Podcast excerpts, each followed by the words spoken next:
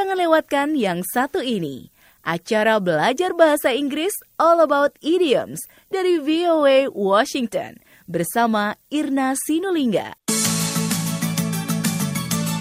Halo dan apa kabar semua sobat VOA? Di sini saya bersama Jonathan Evans. Welcome, friends, to All About Idioms. Acara ini khusus membahas idiom bahasa Inggris yang umum dalam tulisan dan percakapan orang Amerika sehari-hari. Idiom adalah sekumpulan kata yang punya arti tersendiri, jadi tidak bisa diterjemahkan secara harfiah. Oleh karena itu, jika seseorang memahami idiom yang jumlahnya ribuan, sering dinilai bahasa Inggrisnya setara dengan seorang native speaker. Salah satu idiom yang sering kita dengar atau baca adalah Jonathan. Beside the point, Irna. Sekali lagi. Beside the point. Artinya tidak relevan atau tidak ada kaitannya. Beside ejaannya B-E-S-I-D-E.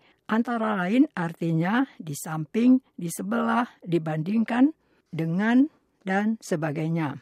The ejaannya T-H-E dan point.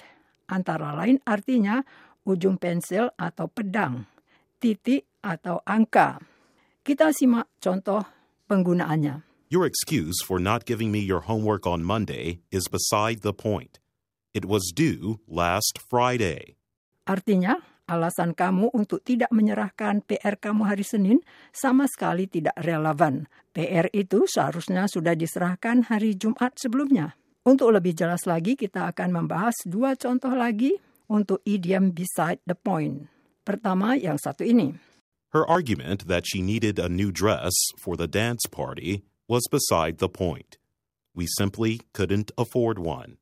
Artinya, alasan dia bahwa dia perlu baju baru untuk pesta dansa itu tidak relevan. Kami sama sekali tidak mampu untuk membelinya. Dan sekarang contoh penggunaan idiom beside the point yang ketiga dan terakhir.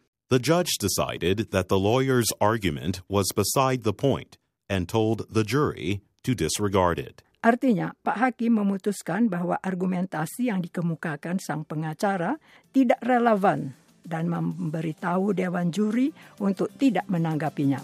Hanya sekian yang dapat kita bahas kali ini. So long, and thanks for listening.